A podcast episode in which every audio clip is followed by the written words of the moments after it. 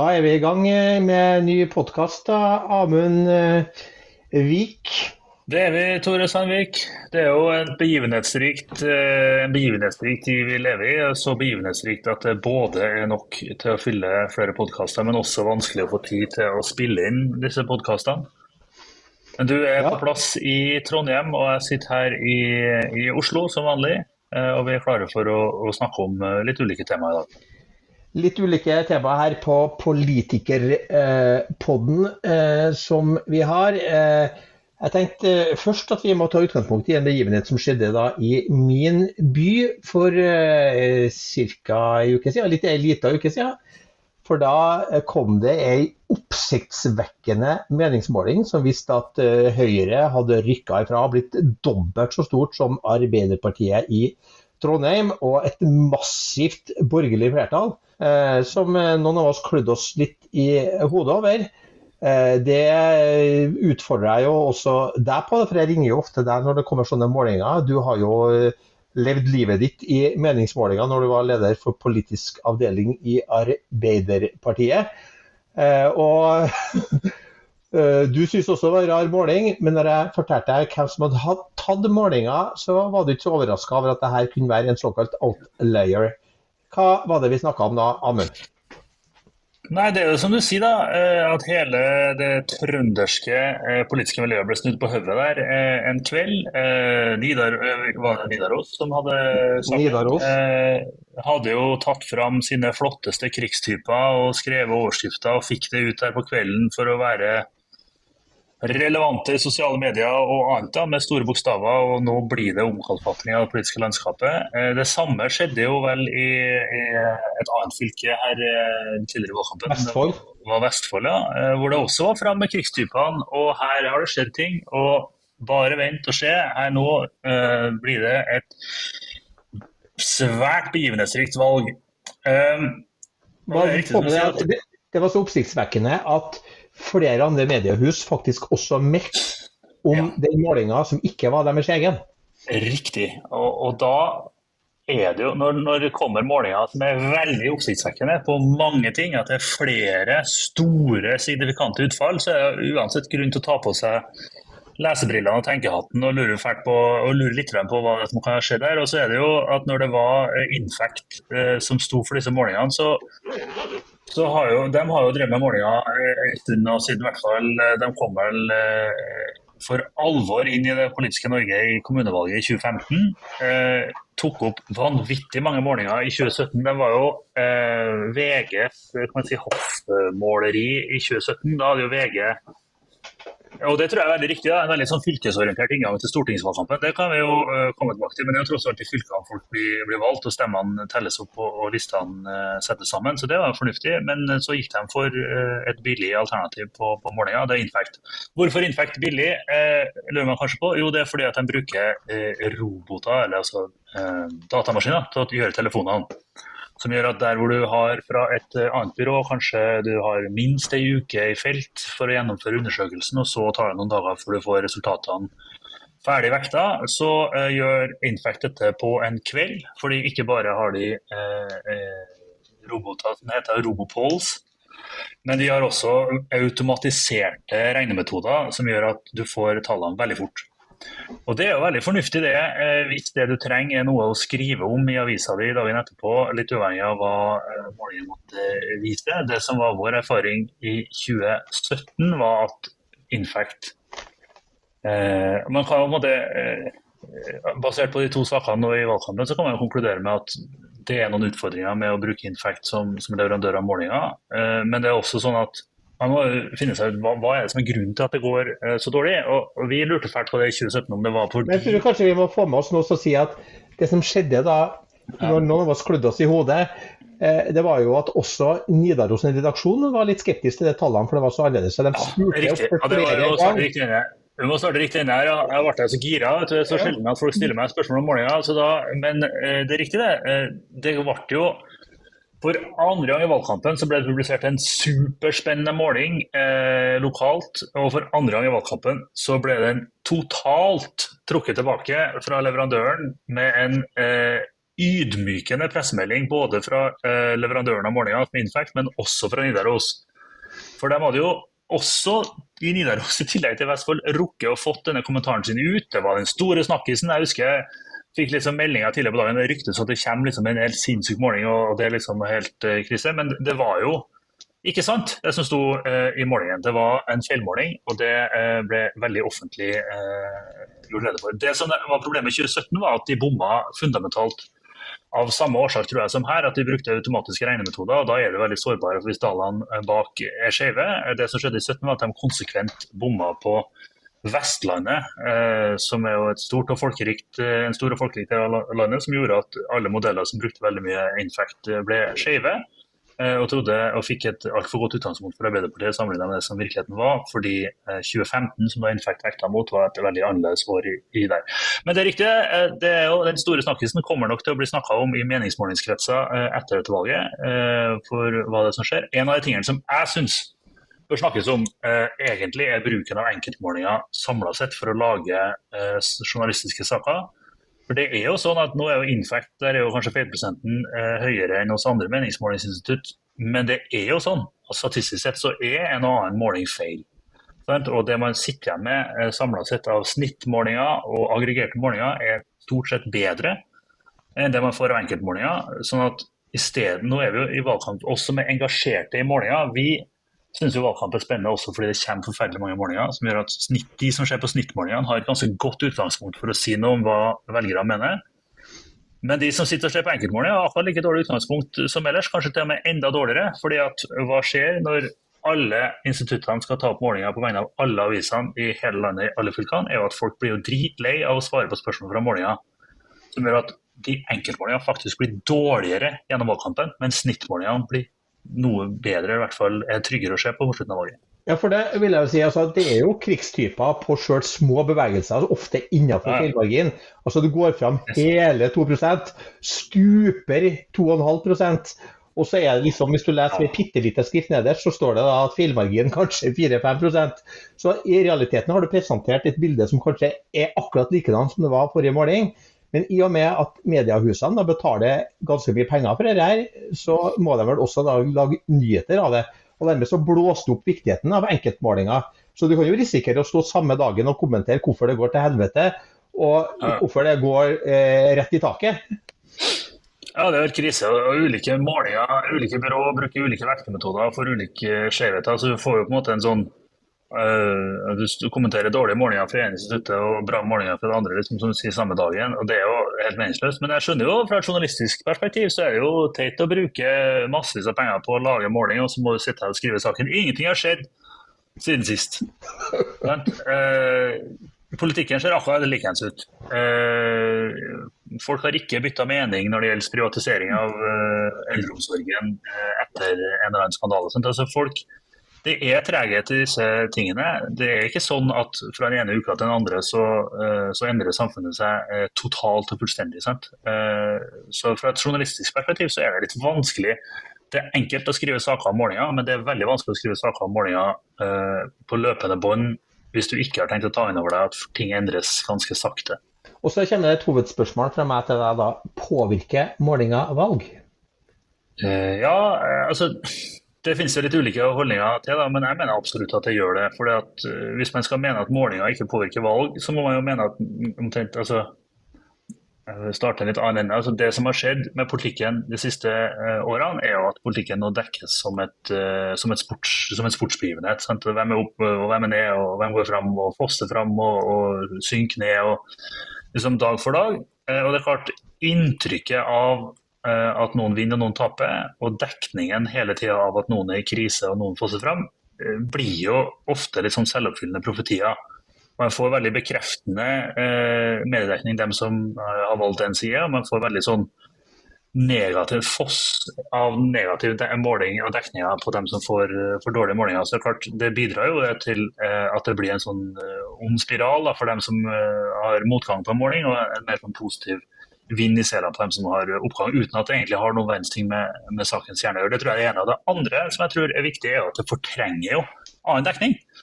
Altså, si at I et stortingsvalg nå er det litt mindre i kommunevalg, men i et stortingsvalg så brukes jo hele den siste uka, nesten halvannen, kanskje to siste uker av valget, brukes nesten bare på målinger. Hvem går opp og hvem går ned, og, og i hvilket fylke. Eh, som gjør at det fortrenger jo all samtale om hva disse ulike partiene faktisk vil gjøre da, med kommunen eller, eller landet. Eh, som gjør at man blir på en måte sementert i det man i utgangspunktet mener, og så heier man på ene laget eller andre laget. og Så står de som er liksom usikre velgere igjen eh, med litt sånn uforretta sak med tanke på hva nyhetsdekninga gir. Da. Eh, når du i tillegg da får media som stort sett, mediedekning som stort sett består i at de intervjuer sine egne journalister om opp og ned på målingene, så blir det ganske dårlig. Ja, og det, det, er jo en ting at eh, kommentariatet får veldig stor plass da, for å kommentere hverandre. Og så er det jo også det som jeg tenker på med den målinga som kom som var oppsiktsvekkende, og det å bruke så stor oppmerksomhet rundt eh, en outlier, det er jo også hvor fort oppsiktsvekkende nyheter sprer seg. Også dem som ikke er sann. Dette var jo usann måling. Noen har jo dømt om, eh, døpt om eh, infect til unfact etter denne målinga. Og det sier jo også noe om andre nyhetssaker som er oppsiktsvekkende, om fake news, og når vi etter hvert får deepfake når man kan forfalske stemmer, video og ikke minst lage veldig troverdige nyhetssaker basert på ting som er rent oppspill. Eh, og Det sier jo noe om det vi har snakka om før, eh, upcoming elections av både USA, Polen, Nederland. Men også en fare i det norske demokratiet, fordi at du får mer bias, da du får mer ekkokammer, du forsterker mer trender. og du mm. er mer, eh, er mer, så du tror fortere på ting som, skjer, skjer, som er oppsiktsvekkende, men som ser ekte ut. da. Ja, det er helt åpenbart. Og det er jo folk som har forska på det. Sant? At falske nyheter og løgn og oppspinn sprer seg mye fortere enn en sannheten, som har det med seg at den ofte er mye kjedeligere enn det som er bare funnet på. Nå var jo ikke dette Eh, viktig å si, Det er jo ikke vrang vilje, fra, eller i hvert fall ikke viljen det satt i at dette ble feil denne gangen, men det illustrerer jo en svakhet i at man ikke klarer å skille mellom eh, ting som er feil og ting som er rett. og at Når det først er ute, så sprer det seg vanvittig fort. og Det er veldig vanskelig å få dementiet til å spre seg i samme tempo og i samme bredde. Ja, jeg vil jo si at jeg, Vi er jo litt eh, valgnerder, og derfor så følger vi jo også ikke bare valgkamper hjemme her, men også i andre land. Og en sånn frustrasjon jeg har kjent på når jeg sitter og følger med på det her sportsbegivenhetene, som valg nå etter hvert nesten dekkes som, var jo når vi følger med på valget i Frankrike. For der er det jo forbudt å publisere målinger de siste uka. Og da blir i hvert fall vi som ikke er fransktalende, vi mister jo fullstendig oversikten over hva som foregår. Men jeg har kommet til at jeg mener at man faktisk bør vurdere, eller man bør faktisk forby publisering av målinger de siste 14 dagene. Eh, sånn at eh, valgkampen kan dreie seg om politikk, om eh, fair competition, altså om rettferdig konkurranse, der man må få frem argumenter for og imot. Og at det er fokus, politiske saker er fokus, istedenfor å drive og kommentere da, bruke stor spalteplass på, da, og energi på å kommentere målinger. Eh, ser du noen fordeler og ulemper med det? Ja, jeg tenker at I utgangspunktet så, bør, så er jeg også enig i det at det bør være i hvert fall store begrensninger. Kanskje til og med være forbudt å publisere målinger de siste par ukene av valgkampen. Jeg tror det hadde skapt en mer sånn forståelig ramme rundt, rundt, valgkampen. Jeg tror det hadde kanskje i hvert fall fått fram noen av de andre sakene noe mer som hva er det man faktisk ønsker og vil gjøre. Eh, og kanskje dempa dette vanvittige trøkket på, på koalisjoner, på, på, på spillet og på liksom den sånn sportsaktige dekningen. Jeg tror det hadde vært bra. og Jeg tror liksom hvert fall nå eh, når trykk, altså, Det er så voldsomt trykk i retning av personifisering, i retning av, av spill og spetakkel, eh, at det kan være i hvert fall et lite skritt i den, i den andre retningen. Så jeg tror Det er fornuftig. Det er jo kontroversielt, og det er jo ikke sånn nødvendigvis en, en, fordel å ha så mange regler om hva man kan og ikke kan publisere, men jeg tror dette kunne vært noe som kunne bidratt til en mer positiv Eh, og mer sånn velgerorientert inngang til valgkampen. Denne Sportsdekningen av, av, valgkamp er jo primært for og av de som er veldig interessert i politikk. Og, og, men utfordringen typisk er å få inkludert eh, de andre i innspurten på valget. Vi må eh, videre til et nytt tema. Eh, I dag så kom nyheten om at eh, ChatGPT har blitt eh, dummere. Altså, jeg har jo hatt en opplevelse av at jeg syns den svarer litt dårligere, men det har vært litt at jeg syns norsken har blitt litt mer hakka. og eh, Det har vært litt vanskelig å eh, få så elegante spørsmål som før, selv om eh, det har bare vært en følelse. Jeg har blitt sikkert den er reell eller. Men Stanford har hatt en undersøkelse som viser at ChatGPT 4 den har blitt dummere etter den ble lansert. Jeg har hørt to, Norges kunstig intelligensekspert og Inga Strømke kommentere i dag, og jeg syns hun sier noe interessant. At vi vet ikke hvorfor. Det kan være at det bruker jo så mye energi, de her store språkmodellene, at de har begrensa tilgangen, sånn at det er en litt dummere versjon som nå gir svarene. At det rett og slett er en begrensning uten at vi vet det, som da er fortvilende for dem som har begynt å basere seg på dette. Det er bl.a. programmering som også har noen skriver enkel kode med den, så har den kanskje blitt dummere så du får dårligere kode ut. Men det andre kan jo også være at den rett og slett blir dummere. For dette her er jo et eksperiment som ingen har gjort før. Det er sluppet løs på verden, og kanskje er det sånn at vi stiller dumme spørsmål, så det blir dummere svar. altså Du får dårligere data. Men det viktigste med det er jo at man vet rett og slett ikke hvorfor. Og så har man gjort seg avhengig av det her på store eh, modeller. Og det er jo en litt sånn interessant utvikling. Eh, jeg vet ikke om vi noen gang får svar på hva som er sant og usant heller. Nei, men det er, jo, det er jo, på en måte Det er jo hysterisk artig egentlig at vi som samfunn har stilt den kunstige intelligensen så mange dumme spørsmål at den rett og slett bare har, har, kommet ned på, på, vårt nivå. Det, det, man kan jo kjenne på det noen ganger hvis man har dager hvor det er mye dumme spørsmål. Det er jo merker jo at det går på bekostning av kreativiteten og evnen til liksom, den hundrede gangen noen spør deg om du kan lage et limerick i anledning noens bursdag. så er klart det, det blir, Kvaliteten går jo selvfølgelig ned. Og, men jeg tror, som du sier, altså, kjernen i dette, i tillegg til at det er forferdelig morsomt, det er jo eh, at det er ganske skummelt. For vi belager oss jo, vi legger jo tunge altså, I denne omgangen med chat eh, og, og OpenAI og, og dette nå, så er det jo måte private selskaper og enkeltpersoner som, som bruker dette til å avlaste eh, i hverdagen. Men det er klart, jo tyngre oppgaver vi som samfunn legger på, eh, på kunstig intelligens, jo større problem blir det jo at dette er liksom black box operations. da. Eh, og at man ikke vet hva det er de legger til grunn når de får et svar som, som virker fornuftig, og ikke vet hva det er som er grunnen til at uh, man plutselig får dårligere svar, til tross for at jeg heller en knapp på teorien om at den har fått så mange dumme spørsmål at den bare har blitt litt uh, livstrøtt, rett og slett. Og det veldig... Men det er jo kanskje menneskets tendens til å liksom personifisere ting uh, som både gjør at AI blir populært, men også som gjør at jeg sympatiserer litt med, med algoritmen her. Jeg heller jo egentlig mot at det her er så dyrt at eh, de da prøver å holde de beste modellene sine de dem som betaler godt for det, istedenfor oss som sitter og bruker det.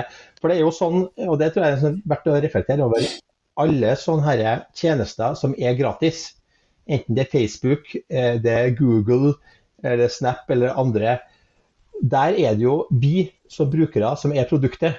De selskapene tjener penger på at vi legger igjen data og Eh, gjøre oss sjøl avhengig av det. Som eh, på en måte som gjør at de kan selge det produktet videre til dem som er villige til å betale for det. Eh, og Det er en ting jeg tror man skal ha med seg når vi diskuterer hvordan man skal ha, regulere eller kontrollere eller forholde seg til både sosiale medier, til store læringsmodeller og andre ting som vi blir mer og mer avhengig av fordi at de er så imponerende i det de tilbyr. At i veldig stor grad er vi produktet. Eh, og det er jo så dyrt eh, det her, eh, å legge ledende an i, i AI-kappløpet at foreløpig nå så er det jo bare store kommersielle selskaper som driver det. Mm. Det er ikke, Kanskje med unntak av Kina, så er det ikke, har ingen stater sett seg råd til å finansiere bygginga av sånne læringsmodeller, ikke minst av de store språkmodellene. Nei, ja, det, det, er jo, altså Under dette ligger det en veldig demokratisk si, utfordring etter hvert. og det er som du sier, altså når, Jeg har i hvert fall prøvd å overbevise barna mine om at når du drar rundt på internett og finner noe som er gratis, så er det du som er, er du som er produktet. på en måte. Og, og det er jo sånn ja, det, det, ligger under her en veldig alvorlig si, maktforskyvning i retning både sånn, fra stater til til disse veldig svære selskapene, og fra alle andre stater til de statene som har de selskapene lokalisert eh, hos seg. og Nå er det jo særlig USA som, som, kommer til å være i den posisjonen. og så er det jo med dette som med søkemotorer og, og andre ting, at du får et eh, du får et forsprang på at disse modellene er kjørt på mye data eh, som det er nesten umulig å ta igjen, også selv om du skulle hosta opp de, de milliardene til å kjøpe eh, de prosessorene du trenger for å, for å gjøre dette. At det, det er rett og slett first mover-fordelen er så svær mm. Eh, at det blir vanskelig å ta inn. og Det ser man jo at allerede nå så begynner jo forspranget å bli så stort at det er komplisert å, å ta igjen deler av det. Og så Den blir jo så flink, og du snakka om det som kalles for black box. altså det at eh, Når man mater inn data i de læringsmodellene, så lærer de seg på en måte da eh, å gi da svar på å finne mønstre som da gir svar som vi mennesker ikke er i stand til å prosessere. Og Det var en svensk eh, forsker fra AI som heter Max Tegmark som har tatt til orde for at er det noe vi må regulere, så er det nettopp det. Et eksempel er denne proteinfoldingsmodellen til, eh, til Google, altså AlphaFold, som har lært oss alle forskjellige måter å å folde sånne proteinstrukturer på, som har gitt oss svar som kan gi veldig gode svar i medisin. Men vi vet ikke hvordan regel eller hvordan kode eller hva det er som har, den har funnet svarene. Vi er ikke i stand til å lese ut hva den finner svar på. Og det er klart at Når vi gjør oss avhengig av sånne systemer, enten det er på finansmarkedene eller det er på andre avgjørende tjenester, eh, så er det jo problematisk hvis det går galt. At vi vet ikke hva som går galt. Vi vet ikke koden, vi vet ikke hva som er formelen som har gitt de svarene, som har gitt oss de, eh, de løsningene vi, vi, har blitt imponert over. Eh, vi vet ikke hvordan vi skal løse det når, når det går galt. Eh, og er, Der er det jo et kappløp også om hvordan skal man regulere det her. Der EU ligger foran. Men det problematiske er at den som kontrollerer teknologien og ligger foran, alle dem befinner seg i USA. Og Vi har jo stifta bekjentskap med, med, et nytt selskap som heter Inflection AI. Som da er, funda av en som da ja, etablert DeepMind i sin tid. Eh, solgt selskapet for eh, mange milliarder til eh, Microsoft, eh, eller til Google, var det vel den solgte. Eh, og som nå har starta et nytt selskap som bygger en ny sånn her læringsmodell. Eh, og den læringsmodellen de, de, læringsmodellene bygges jo opp, du må ha veldig sterk prosessorkraft. Og de bruker sånne grafiske prosesseringsenheter. Eh, fordi at de er bedre enn vanlige sånne vi har hatt normalt i datamaskinene. Altså det de som lager grafikkort, altså Nvidia som er de som driver med gaming før, har hørt om du må alltid ha den siste versjonen av Nvidia GPU-en, som det kalles. Eh, det, de bygger nå da en læringsmodell som er større enn den OpenEye hadde.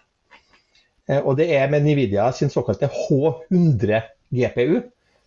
Eh, og en sånn GPU, da, en sånn, sånn kort, da, det, det, koster 320 000 kroner per stykk.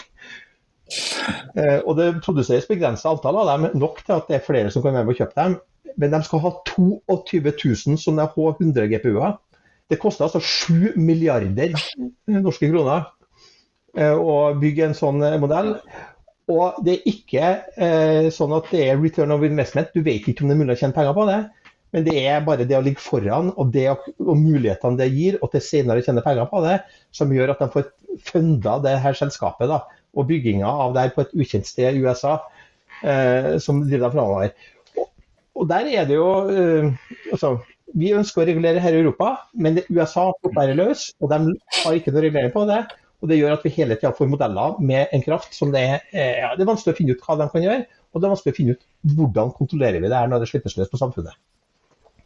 Ja, sant. Det viser jo, dette viser jo om at det er en voldsom maktforskyvning i retning av de statene som har disse selskapene. Men òg inni de statene så vil jo den prosessorkraften og den kapasiteten som de selskapene har, er jo fort å, å gjøre seg avhengig av også, som gjør at man havner i en litt sånn om ikke fullt ut regulatory capture, så i hvert fall en, en situasjon hvor det kan etter hvert bli litt vanskelig å gripe inn og regulere dette på måter som, som hindrer eh, deler av, av, av bruksområdene. Eh, men så er det jo liksom en, en, en internasjonal fordeling her som er som kan, bli, som kan bli veldig krevende. og det er som du sier, Spørsmålet er hvordan, hvordan vi skal regulere det. og Så må jo alle bidra inn med, med, med, ideer på hvordan man kan regulere dette. En idé som du nevnte nå, regulere hvordan, altså, uh, hva man må vite og hva algoritmer har lagt til grunn uh, før man kan applisere det f.eks. I, i medisin. virker det som, en, som et fornuftig sted å starte, men der igjen så er det jo Eh, noe med å finne ut av hvordan man beveger seg i dette landskapet som liten eh, nasjon sånn som, sånn som, vi er. Men det er klart, 7 eh, milliarder for, for en sånn fabrikk for å lage noe som, som har uklart forretningsområde, er jo noe jeg tenker jo det er jo flere som har eh, forsøkt å overbevise det norske finansdepartementet å bruke penger på, på, store og små ting. og det å,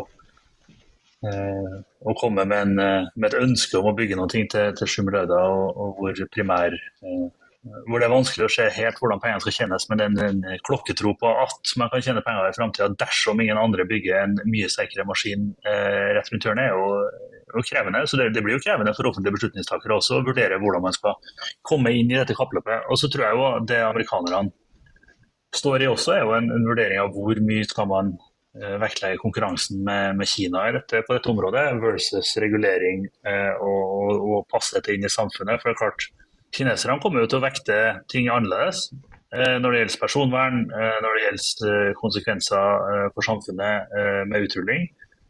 Så da blir jo spørsmålet hvor mye skal man la disse teknologiselskapene bare kjøre på for å holde på teknologiforspranget, versus hvor mye skal man gå inn og regulere for å sørge for at de samfunnsmessige konsekvensene blir håndterbare. Ja, og så er jo det her et kappløp som også for the sake of the common good. fordi at det er veldig gode argumenter for å bruke AI og mønstergjenkjenning for å løse f.eks. kreftkåter. Gi bedre undervisning til skolene, frigjøre lærerkapasiteten. Eh, diagnostisering av psykisk sykdom eller som vi nå også fikk et eksempel fra Trondheim, der man bruker kunstig intelligens til å anslå hva som kommer til å være sykefraværet. Ikke anslå hvem den enkelte som blir syk er, men samla sykefravær. Og dermed kunne lage bedre vaktplaner, sånn at man kan få mer forutsigbar eh, jobb for dem da, som er i deltid, og kanskje gi dem heltid. Fordi at du hele tida kan ligge foran eh, planlegginga. Men alle de her retningene som går framover for å kunne bedre diagnostisering og andre ting, kan jo også brukes av andre, og brukes jo også av andre. Mm. For du kan jo ved mikrobevegelser i ansiktet etter hvert kunne avsløre hva det er som gjør at du ønsker å bruke oppmerksomheten, oppmerksomheten din på en ting. Hva det er som gjør at du blir overbevist, glad, lei deg, skremt og andre måter. Og vi vet jo allerede at eh, sosiale medier bruker det for å holde på oppmerksomheten vår. Eh, Facebook, eh, Twitter, YouTube, Snapchat, TikTok, Instagram osv. De tjener jo penger på oss som produktet, på at vi bruker tid på plattformen. De stimulerer oss til å dele ting. De stimulerer oss til å være der lenger. YouTube innførte en algoritme som gjorde at neste film begynner å rulle når den du har vært på, er ferdig. Og gjerne en film som den har funnet ut at det er med et tema som du liker. Og de bruker da ja, andre teknikker. De har lært oss også å trekke ned skjermen for å reloade, for å være lenger for få nye nyheter opp. Det er blinkende prikkene i chatten som gjør at du ikke skal legge fra deg telefonen når du er i en chat med noen, for å være der fortsatt. Eh, og det her brukes jo, som vi har snakka om før, også for å holde på oppmerksomheten til barn og unge. Eh, og skaper da også et behov som da ja, ikke er regulert, og vi ikke helt vet konsekvensene av. Annet enn at det kommer flere og flere undersøkelser som viser at dette har veldig negative konsekvenser for barns mentale utvikling, og ikke minst også utviklinga av depresjoner eh, og manglende sjøltillit eh, på disse plattformene. Ja, det er jo helt, eh, altså, Dette er jo et gigantisk eksperiment på som vi utsetter på en måte hele samfunnet for. Men det er jo klart, når algoritmene lages for å holde på oppmerksomheten til voksne folk, og er sterke nok til å holde voksne folk i et sånt prokrastineringsunivers eh, hvor man bare sitter og scroller gjennom sånne reels og, TikToker, så er det klart at når man da slipper det eh, løs på barn, eh, så kan det få veldig uoversiktlige og store konsekvenser. Vi ser jo som du sier, en, eksplosjon i depresjon for, og psykiske lidelser blant barn og unge.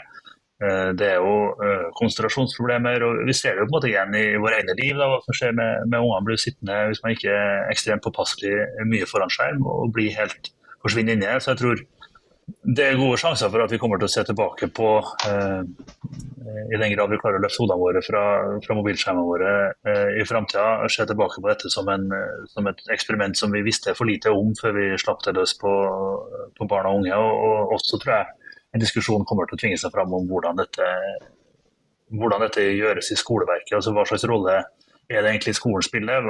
Inngår, vil det komme til å inngå i framtida f.eks. Å, å lære seg å legge bort skjermen som en del av, av prosessen for å, å, ta til seg ordentlig, ordentlig kunnskap? Og, og, Vi har vært innom det før og på podden om, om hvor klasseskillene kommer til å, å, å dukke opp i dette. Eh, på, så Det er jo alltid sånn at hva man har med seg hjemmefra eh, har stor betydning for, eh, for, hvordan man får til ting på skolen, arbeidslivet og livet for øvrig. og Dette kan jo fort bli en, et område til hvor man kan se klasseforskjeller utvikle seg som det blir veldig vanskelig å få gjort noe med hvis ikke skoleverket også bidrar positivt. Det, det, er jo gjort undersøkelser i USA, men i Norge har vi noe som heter, her i Trøndelag som heter HUNT-undersøkelsen som da har hatt mer enn 150 000 unge kvinner og menn eh, til å svare på spørsmål om mental helse fra 1995 og fram til 2019. Og Da viser det seg at det siste tiåret så har altså unge mennesker som sliter med sin mentale helse, eller melder at de gjør det, har dobla seg. Og de setter i sammenheng der, forskerne med eh, sosiale medier perioden 2011-2014. Mm. Og også et som skillelinje med liker-knappen på, på, Facebook. Og også de fotofiltrene som kommer, som gjør at eh, de som tar selfie og legger ut for å få likes, de da eh, pynter på det. Du har jo en verktøy som er mange ganger kraftig av det som vi hadde som Photoshop når jeg i hvert fall var, var ung og prøvde å lage brosjyrer eller annet materiell. Automatisert. Så at du skaper et bilde av deg sjøl som ikke finnes i virkeligheten. Og du skaper en avstand mellom deg og det du sjøl er, og det som er ute, og hva som aksepteres. Eh, og eh, dere Selskapene bruker jo eh, fremragende forskere, eh, psykologer og andre eh, som da skal holde på oppmerksomheten din og gjøre at du skaper engasjement rundt deg sjøl, både positivt og negativt. Eh, så jeg tror det her er et tema som er underkommunisert i Norge. Vi må ha en diskusjon om skolens rolle. Ikke fordi det er så stor skjermbruk i skolen, men kanskje fordi skolen skal stimulere til at at du ikke bruker skjerm på skolen, men at du flytter skjermbruken hjem til skoleoppgaver og veiledning, altså sånne snudde klasserom. Eh, og i mindre grad da, eh, skal være avhengig av det her algoritmene som vi har sluppet løs på, på barna. Hva som er svaret på det, vet ikke jeg, men det er ingen tvil om at det her må vi ta tak i. For dette her påvirker barns og unges utvikling. Og vi vet egentlig ikke hva som kommer ut i andre enden eh, eh, av det her. Det skal vi snakke mer om eh, senere i uka. Har jeg avtale med en psykologspesialist. Eh, som da har tenkt å spørre ut litt om hvordan det her påvirker dopamin og oksytocin. Som da det skal vi komme tilbake til å forklare litt mer om hva det betyr. Eh, hvordan det påvirker vår eh, mentale bruk av disse plattformene. Skaper avhengighet, skaper gode og dårlige følelser. Eh, og hvordan det kan sammenlignes med f.eks. kjemisk stimulans, som også da skaper avhengighet. Enten narkotiske stoffer eller andre ting. Så Jeg skal snakke med han eh, om det for å, for å finne ut eh, og lære mer om det temaet, men også for å, for å, diskutere hvordan politikken kan møte vitenskapen og teknologien på disse områdene. For jeg tror det er en debatt vi må holde levende. Det andre temaet vi, kommer tilbake til, er også eh, kommunevalg i Norge. Det er valg på, på mandagen. Vi, eh, den, siden vi nå har diskutert hvordan media kan påvirke utfallet av valget, så har vi i hvert fall valgt å, å vente helt til slutten av valgkampen før vi eh, kommer med vår overraskende eh, og, og, nyskapende take på eh, hvem som eh, bør og kan vinne valget rundt omkring i norske kommuner. Det er jo en vanvittig innsats som legges for dagen av alle partier egentlig, rundt omkring i, i mange kommuner. Eh, i, eh, i, kommunevalget. Jeg syns kommunevalget er forferdelig spennende, både som uh, statsviter og, og, engasjert i valg, for det er så mange valg om så mange ulike ting rundt omkring i landet. Men òg fordi det er jo et av de valgene hvor, det er det valget hvor, hvor flest folk er med på, på ulike måter i, i, valgkampen. Så det er spennende. Vi skal prøve å lage en en kort gjennomgang av, av vårt syn på, på dette eh, før valget. Eh, og så har vi flere også spennende intervjugjester som kommer på podden i tida som, som, kommer. Så det er bare å trykke abonner eh, på eh, podkasten der hvor man hører på denne podkasten. Også til og med kanskje legge igjen en, en anbefaling eller gi oss noen stjerner. Eh, det hjelper oss med å få nye lyttere i denne podden. Da sier jeg takk for i dag. Med det så kan vi runde av her. Takk for i dag. Takk for i dag. Thank you.